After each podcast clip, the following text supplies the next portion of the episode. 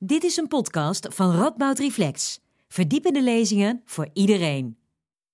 Welkom bij Radboud Reflect at Home, het digitale programma van Radboud Reflect dat je verder laat denken in tijden van corona.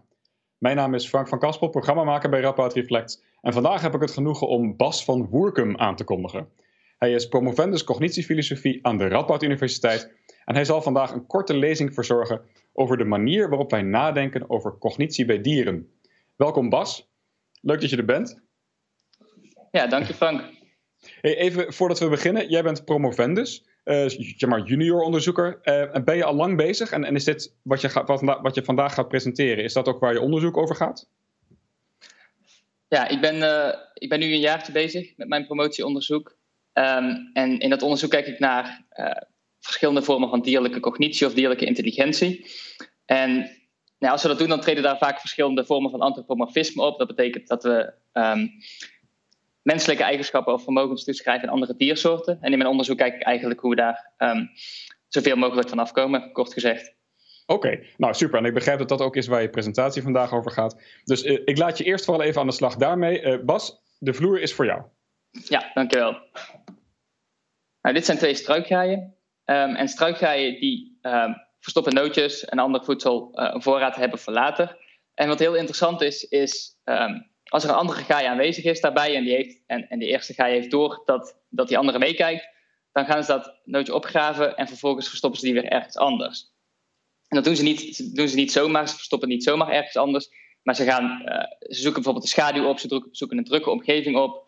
Um, ze gaan zo ver mogelijk wegstaan van die, eerste, van, van die andere gaai en nou, bijvoorbeeld ook met de rug naar die andere gaai toestaan. Um, en dat is heel interessant, want we zijn heel erg snel geneigd om dat te interpreteren in termen van uh, reflectieve vermogens of bewuste vermogens. En we denken dan iets als: oh, uh, oh nee, deze gaai heeft uh, gezien dat ik mijn nootje daar heb verstopt en ik wil niet dat hij die gaat stelen. Um, dus ik verstop hem nu zo ver mogelijk weg en dan, dan kan ik verzekeren dat dat niet gebeurt.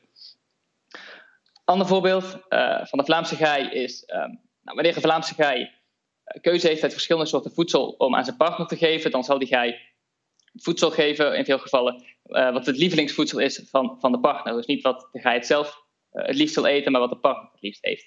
En dat leidt dan tot, tot nieuwstitels zoals Gift-Giving Birds May Think Much Like People. Um, en het idee dat, dat het denkvermogen of de cognitie van gaaien heel veel lijkt op dat van mensen. En dat ze dus de gedachten van, van soortgenoten kunnen lezen.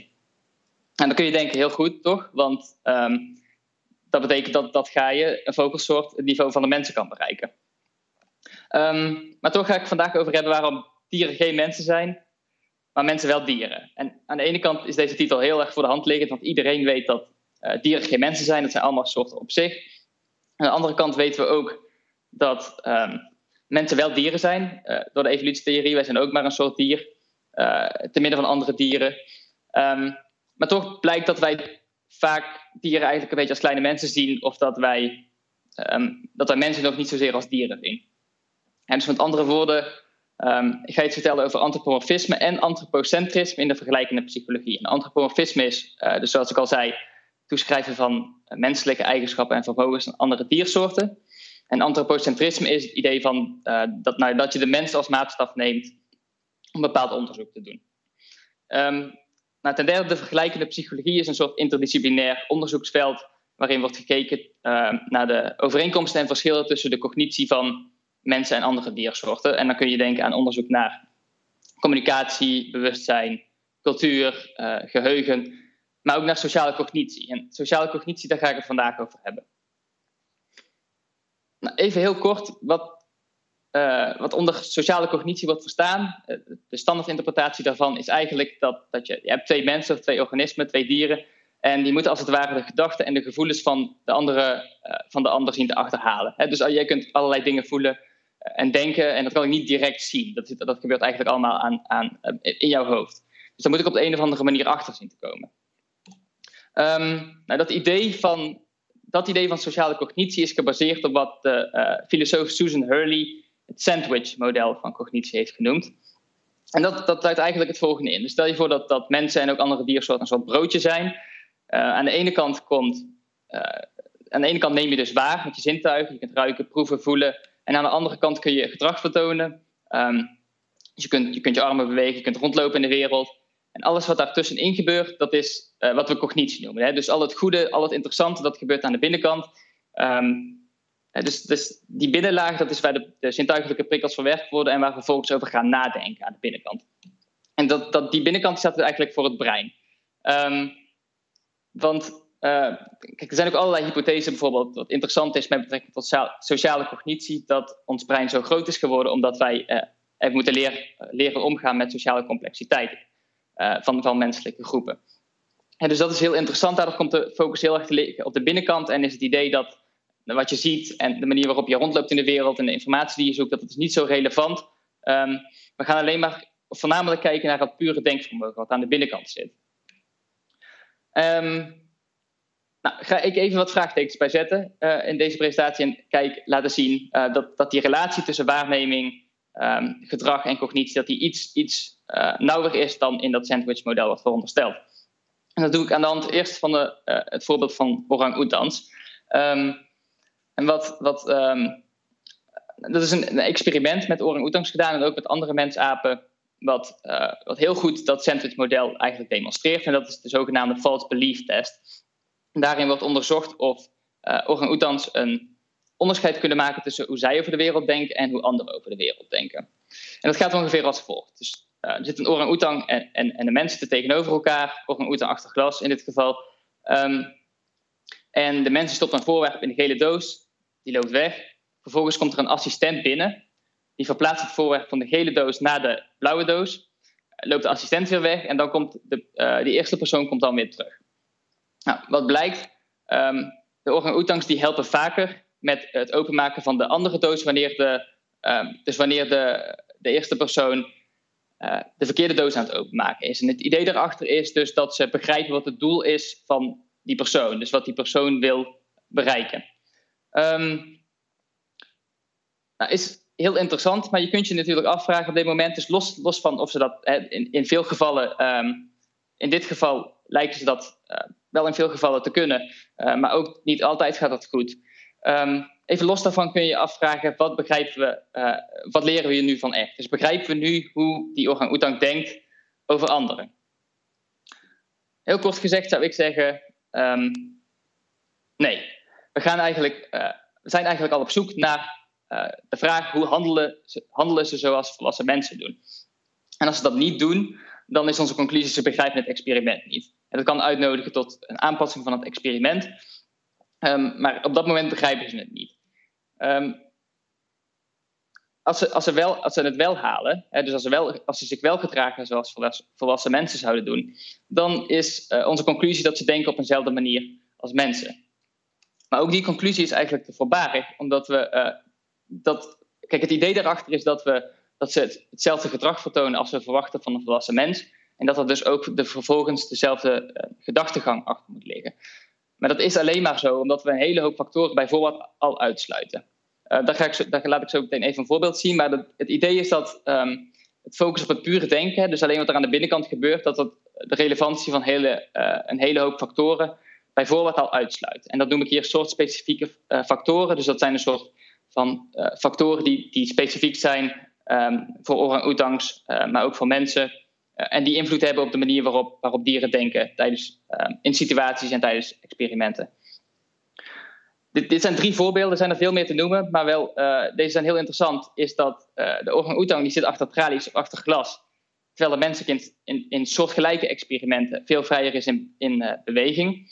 Um, dit is relevant omdat je, als, als een orang-oetang vrij zou zijn, dan zou die misschien hele andere informatie zoeken dan, dan in dit geval mogelijk is. In dit geval moet de orang-oetang het doen met wat hij of zij heeft, de informatie die hij binnenkrijgt.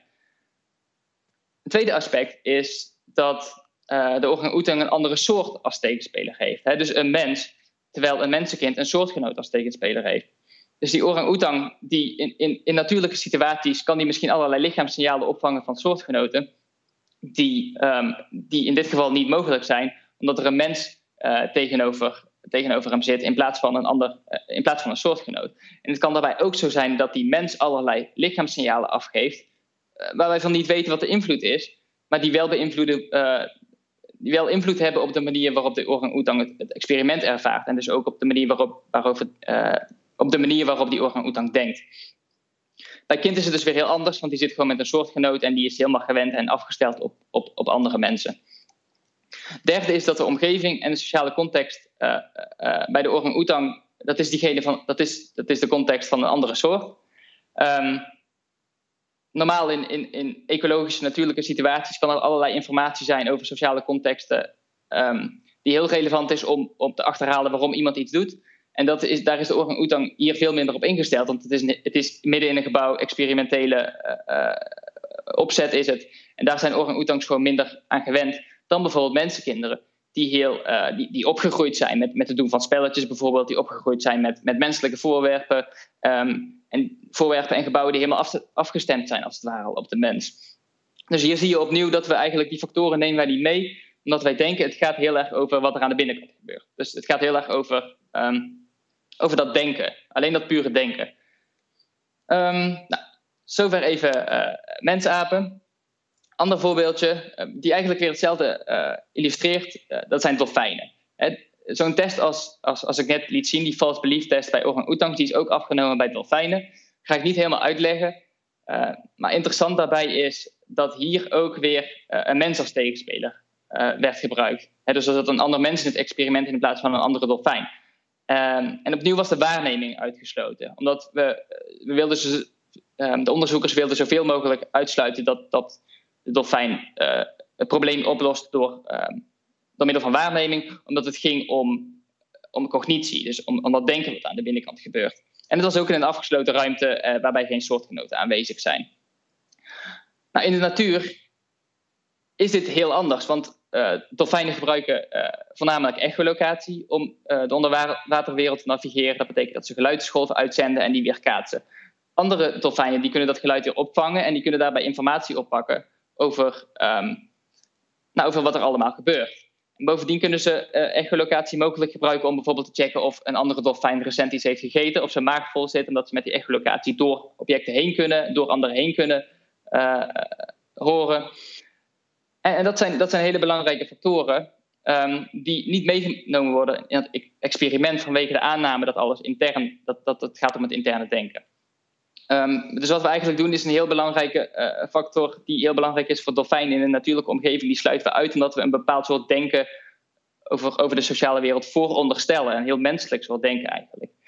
Um, voor vleermuizen geldt iets soortgelijks. Ze gebruiken ook echolocatie, maar dat werkt dan in de lucht. En dat is weer een hele, hele andere wereld dan de onderwaterwereld. Maar dat is wel iets wat we moeten meenemen uh, om, om te begrijpen waarom ze presteren uh, op bepaalde experimenten zoals ze doen. En hier opnieuw laat je dus, wordt ook duidelijk dat die relatie tussen waarneming, de omgeving en cognitie of denken, dat die veel nauwer met elkaar verbonden is dan die experimenten eigenlijk. Um, ja, die doen daar geen recht aan. Nou, waar komt dat vandaan, dat idee van antropomorfisme uh, in dit, dit soort onderzoeken? Nou, het gaat in ieder geval terug op de filosoof René Descartes. Um, die dacht dat wij een, uh, in essentie een denkend ding waren. En dat, dat onderscheidde hij van uh, nou, lichaam, het lichamelijke, het materiële. Daarbij komt de nadruk dus heel erg te liggen op het innerlijke, het bewuste, het expliciete, het reflectieve. Dat wordt dan gecontrasteerd met het externe, het onbewuste, het impliciete en ook het automatische. En door die nadruk daarop wordt de vraag eigenlijk vervolgens maar kunnen dieren dat ook? Kunnen zij ook op zo'n reflectieve, bewuste manier nadenken over bijvoorbeeld over een sociale wereld, bijvoorbeeld over anderen? Um, nou, wat, wat het, dit soort denken wel heel mooi uh, illustreert, is het, volgende citaat van de, van de vergelijkend psycholoog Louise Barrett. Die zegt dat uh, we consider ourselves as humans first and foremost. En dat wil zeggen als, als wezens met cognitieve vermogens die universeel nuttig zijn voor alle andere diersoorten als het ware. Rather than as members of the animal kingdom. Uh, wat betekent als wezens met cognitieve vermogens die nuttig zijn voor voor de mens, omdat wij een specifiek evolutionair traject hebben gehad en, en in een specifieke omgeving leven, maar niet universeel nuttig voor alle andere dieren. En want als we op die manier denken, dan maken we dieren eigenlijk een soort schimmen van mensen in plaats van ze op zichzelf te bekijken. Dus we laten de, de, de intelligentie van die dieren, die laten we eigenlijk afhangen van wat mensen kunnen. In plaats van dat we kijken van wat kunnen ze nou zelf, wat hebben ze nou nodig in hun specifieke omgeving. Nou, je kunt zeggen, dat is heel antropocentrisch eigenlijk om te, om te ontkennen dat. dat um, dat is, het is eigenlijk juist antropocentrisch om te ontkennen dat dieren menselijke eigenschappen hebben, maar daar ben ik het niet mee eens. Um, ik denk juist dat dat, dat dat laat zien dat wij onszelf dus als, als een diersoort zien met vermogens die belangrijk zijn voor ons, maar niet per se voor andere diersoorten. En er zijn natuurlijk al overeenkomsten, belangrijke overeenkomsten tussen mensen en dieren, maar dat moet niet ten koste gaan van die net zo belangrijke verschillen. Um, dus dat, dat, is wel, dat is wel heel belangrijk om daar ook op te letten. En ik, ik denk dat het dus juist antropocentrisch is om um, de waarde of de intelligentie van dieren af te laten hangen van, uh, van wat mensen kunnen. De andere kant van de medaille is natuurlijk de vraag hoe goed begrijpen we onszelf. dus die nadruk op het bewuste, die is logisch, want dat bewuste, dat reflectieve, dat is hetgene wat wij waarnemen. Maar het is ook heel waarschijnlijk dat er allerlei uh, gewoon omgevingsfactoren, uh, dat de manier waarop wij lichaamssignalen opvatten van anderen die niet bewust plaatsvinden, dat dat invloed heeft op onze sociale cognitie, maar die wij ook niet meenemen. Um, maar als we dan zo'n model hebben waarbij dat bewuste reflectieve centraal stellen en dat toepassen op andere diersoorten, dan is, dan is die maatstaf natuurlijk dubbel problematisch. Even uh, kort samengevat, dus uh, dit, is het idee waar we mee starten. Het idee dat je uh, de gedachten van een ander als het ware moet achterhalen, terwijl die gedachten niet direct zichtbaar zijn. Maar je moet dat lichaam daar niet bij vergeten. En ook die natuurlijke context, die is daarbij heel belangrijk. Want die maakt een groot deel van dat denken over um, een ander overbodig. Heel vaak kunnen we informatie halen uit, uit het lichaam van de ander of uit de omgeving, ook al zijn we daar ons daar niet bewust van. Maar dat is wel heel relevant om te begrijpen waarom um, nou, dieren handelen in bepaalde situaties zoals ze doen. En ook waarom mensen handelen in bepaalde situaties zoals ze doen. Ook al zijn wij ons daar niet zozeer bewust van. Dus even uh, kort, wat moeten we nou doen? Um, ik denk dat we de mens, net als alle andere diersoorten, moeten leren van buitenaf te bekijken. Dus als diersoort in een specifieke omgeving. En dat betekent niet dat, dat je de mens uh, in, in een bosje moet zetten en, en uh, een soort natuurtoestand moet onderzoeken. Kijk, die, die sociale en materiële aspecten van onze uh, omgeving zijn heel erg belangrijk, een heel belangrijk onderdeel van, van wat het betekent om mens te zijn. Um, maar dat is net zo goed, dit is net zo goed een soort habitat wat, waar wij in leven, ook al is het een sociaal-cultureel habitat.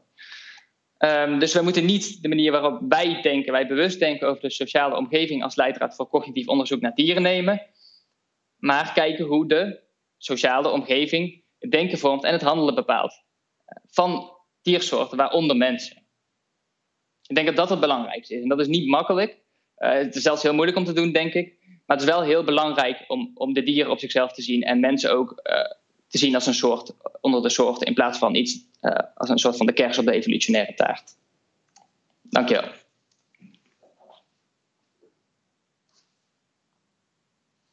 Oké, okay, Bas, dankjewel voor je lezing. Uh, erg interessant. En ik heb maar een paar vragen als je nog even een momentje hebt om te blijven hangen. Is dat oké? Okay? Zeker, ja. Oké. Okay. Hey, dus uh, je richt je met name in je vergelijkend onderzoek, of uh, in je onderzoek waarin je het, het, verschil of juist de overeenkomsten wil zien tussen cognitie bij dieren en mensen, richt je op die sociale dimensies. De, je hebt het over sociale cognitie. En om even te herhalen, dat is dan dus uh, cognitie die te maken heeft met hoe je andere wezens van dezelfde soort, of misschien andere soorten, hoe je die begrijpt. Zeg ik, zeg ik dat goed? Ja, dat klopt wel. Dus, dus het idee bij sociale cognitie is eigenlijk Um, het is met, met, name relevant voor dieren die in, in, complexe sociale groepen leven. En de vraag daarbij is: nou, wat, wat, voor sociale relaties zijn dat? Hoe, um, wat, wie zijn je vijanden, wie zijn je vrienden en hoe, hoe hou je dat allemaal bij? Um, dat, daar heb je eigenlijk een hele hoop uh, intellectuele vermogens voor nodig om dat allemaal, allemaal bij te houden. ja, om ja, dus... succesvol de sociale wereld te navigeren. Precies, dus hoe kunnen die dieren uh, uh, elkaar zo goed begrijpen in een sociale context. En, en dat kunnen wij natuurlijk ook. Nou, dat is eigenlijk de andere vraag die ik heb. Is het misschien, want dit is ook wat je zei tegen het eind van je presentatie, dat bij mensen, dat, dat onze huidige habitat een sociale habitat is. Dus wij, wij bevinden ons in een sociaal domein. Dat is eigenlijk misschien, zou je kunnen zeggen, primair uh, zeg maar de, de, de, economische of de ecologische niche waarbinnen wij ons bevinden. Is dat misschien ook waarom het interessant is om dieren in datzelfde soort domein te gaan onderzoeken?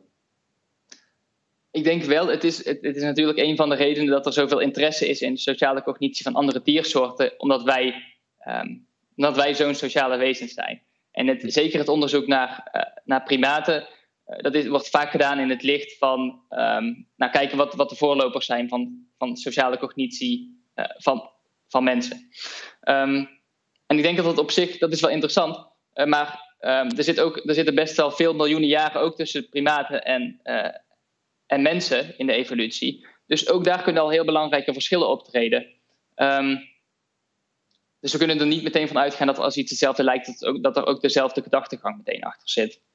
Dus een beetje twee kanten aan het verhaal. Ja, ja. En maar zou je misschien kunnen zeggen dat het feit dat wij zo geïnteresseerd zijn in sociale cognitie bij dieren, hè, dat, dat ons daar ons onderzoek op richt, dat dat in feite al een soort antropocentrisme is. Omdat dat ja, toch alweer we kijken toch naar dieren in zoverre als ze wat het sociale domein betreft met mensen overeenkomen. Ja, ik denk, ja, dus, dus, dus dat is het idee dat achter onze onderzoeksvragen zit vaak al een soort antropocentrische uh, gedachte. We zijn geïnteresseerd in de dingen die ons speciaal maken, uh, de dingen die ons, die ons zo uniek maken. En vervolgens gaan we kijken, um, kunnen, hebben dieren, tot, tot welke hoogte hebben dieren dat? Alleen wat je bijvoorbeeld ziet bij die false belief test, is dat dieren um, op die manier alleen maar hooguit kunnen presteren op mensniveau. En meestal minder. Dus meestal presteren ze op kindniveau. Hè, van veel van die testen worden dan met dieren afgenomen, maar ook met kinderen. Um, en ze pre presteren hoogstens op kindniveau, maar meestal nog minder. Dus op, in die zin zit er ook iets antropocentrisch inderdaad al aan, aan de soort vragen wat worden gesteld. En ik wil niet zeggen dat het dat altijd zo is, maar er zit wel, zit wel iets, iets achter in, in die zin, ja. ja. Hey, en nog even over dat, dat sandwich-model. Uh, want je liet een, een mooi broodje zien. En dat broodje had een bovenlaag en een onderlaag en, en uh, dan wat smeuïge inhoud zo. En, en jij zegt, ja. wat, wat, er nu vooral gebeurt, is dat we die, die bovenlaag, wat dan zeg maar het, uh, de, de binnenkomende fysieke signalen is die op onze zintuigen landen, zeg maar. En de onderlaag, dat is dan wat, wat ons lichaam als een soort van output geeft, het gedrag. Dat we die ja. twee lagen even weggooien en vooral kijken naar die smeuïge binnenlaag. En dan kijken in hoeverre die smeuïge binnenlaag ook bij dieren terug te vinden is. Um, maar jou, jouw punt, als ik het dan in deze, uh, in deze metafoor zeg maar, mag vatten, is dan van: hé, hey, we moeten die broodjes, dat stukje stokbrood, niet zomaar weggooien. Want dat is namelijk heel relevant voor die inhoud of zo. Dat bepaalt misschien hoe die inhoud proeft als je het opeet of zo. Ja, nee, precies. Dus dat, dat, is, dat is precies het idee. Dat, kijk, al, al dat goede wat in de midden zit, daar zijn, daarin zijn wij geïnteresseerd. Juist omdat wij van die reflectieve, uh, bewuste, uh, intellectuele wezens zijn. Um, maar wij hebben geen zicht eigenlijk op wat, wat dat broodje voor invloed heeft op, op, de, op de vulling. Um, dus dat nemen we niet mee. Wij nemen aan dat, dat onze, onze vermogens uh, dat die eigenlijk een soort soort neutraal zijn. Dat dat, um, dat, dat, dat denken dat dat, dat dat op dezelfde manier gebeurt bij andere dieren als bij ons. En dat dat broodje geen wezenlijke invloed daarop heeft. Mm -hmm. Maar dat is waarschijnlijk wel zo. Ja. ook, al, ook al is het moeilijk om daar, uh, om daar zicht op te krijgen. Ja. En dus door het aan te nemen dat dat broodje er niet zoveel toe doet, hè, dus dat die, die zintuigelijke input en het gedrag en vooral om de kern gaat, en door dat zeg maar, in dieren te leggen, da, da, daarvan zeg jij dat is nou antropomorfisme. We, bekijken dus dieren alsof we onszelf willen zien in hen. En we denken, ja, voor ons maakt het ook niet zoveel uit of we nou uh, uh, wat voor soort zintuigelijke input we hebben, als we maar snappen wat er gebeurt. Als we als dieren dat ook maar kunnen snappen, dan, dan maakt het verder niet uit of er een verschil is in wat, hoe hun zintuigen werken of zo. Ja, precies. Ja. Dus, het, dus het, het antropocentrische gedeelte is, is het idee dat wij, dat eigenlijk dat we, dat wij het uitgangspunt vormen voor wat, wat, wat wij als cognitie definiëren. En dus vermogens die wij hebben, die zijn wij geneigd om te definiëren als cognitief. En bijvoorbeeld vermogens die wij totaal niet hebben, die zullen wij ook niet snel als cognitie definiëren. Denk bijvoorbeeld aan uh, de communicatie via uh, uh, kleurpatronen op de lichamen van, van octopussen of zeekatten dat, is, dat, dat is ontzettend eh, ingewikkeld en interessant, maar wij zijn niet snel geneigd om dat als cognitie te bestempelen, want wij kunnen, dat, wij komen dan, kunnen niet voorstellen hoe dat is. Um, het antropomorfisme gedeelte is dus inderdaad dat we vervolgens aannemen dat diezelfde soort eigenschappen eh, aanwezig zijn in andere diersoorten, uh, maar dan meestal in een, in een mindere mate. Um, maar wel het idee dat ze, dat ze ruwweg op dezelfde manier denken als mensen doen. Ja. Hey, en uh, misschien nog een laatste vraag, uh, Bas. Is nou jouw, het, het uiteindelijke doel van jouw onderzoek, zeg maar, als je moet zeggen in meest abstracte zin, is dat zeg je, ik wil mensen beter begrijpen? En dat kunnen we pas doen als we eerst naar dieren in het algemeen beter leren kijken in hun natuurlijke habitat met rekening houden met het soort zintuigen dat ze hebben. en dus als we dat los kunnen laten bij dieren, kunnen we dat ook op onszelf toepassen. En dan kunnen we onszelf beter begrijpen. Dus zeg jij, mijn einddoel is mensen beter begrijpen. Of zeg je nee, het gaat mij om cognitie in de brede zin van het woord. Ik wil eigenlijk meer gewoon bestuderen wat voor vormen van cognitie er überhaupt zijn. Ja, ik denk dat die twee dingen heel erg samenhangen. Dus ehm, ja, ik, ik wil ook, dus zoals ik, zoals ik de laatste slide van mijn pagina, uh, of de laatste pagina van mijn slide zei, is ehm, dus dat, dat je de mensen eigenlijk van buitenaf wil bekijken, ook als diersoort onder diersoorten. En wat wij nu doen is alle diersoorten bekijken naar uh, de maatstaf van de mens. maar je wilt eigenlijk elke individuele diersoort op zich bekijken. En er zijn wel natuurlijk ook overeenkomsten te vinden daartussen. Um, maar het is op deze manier is het heel krom dat wij het hele dierenrijk tegenover onszelf zetten. En, en eh, zeg maar alle dieren op één, één hoop gooien uh, en meten aan de hand van vaardigheden die we hebben, hebben onderzocht in onszelf. Um, dus dus daar, daar wil ik eigenlijk heen. Dus dat, dat is een beetje de drijfveer hierachter. Dat je, dat je alle dieren ook, ook dat je niet voorbij moet gaan aan wat er, wat er heel specifiek is aan verschillende diersoorten. Door zoveel te focussen op uh, wat, wat er uh, overeenkomstig is daartussen. Ja. ja, precies. Want dat doet het geen recht aan de dieren. Kijk, Hey, nou, uh, dankjewel. Dit vond ik een mooie afsluiting. Uh, heel erg bedankt voor je tijd vandaag en voor de interessante presentatie. Uh, fijn dat je nog wat tijd had om wat vragen te beantwoorden.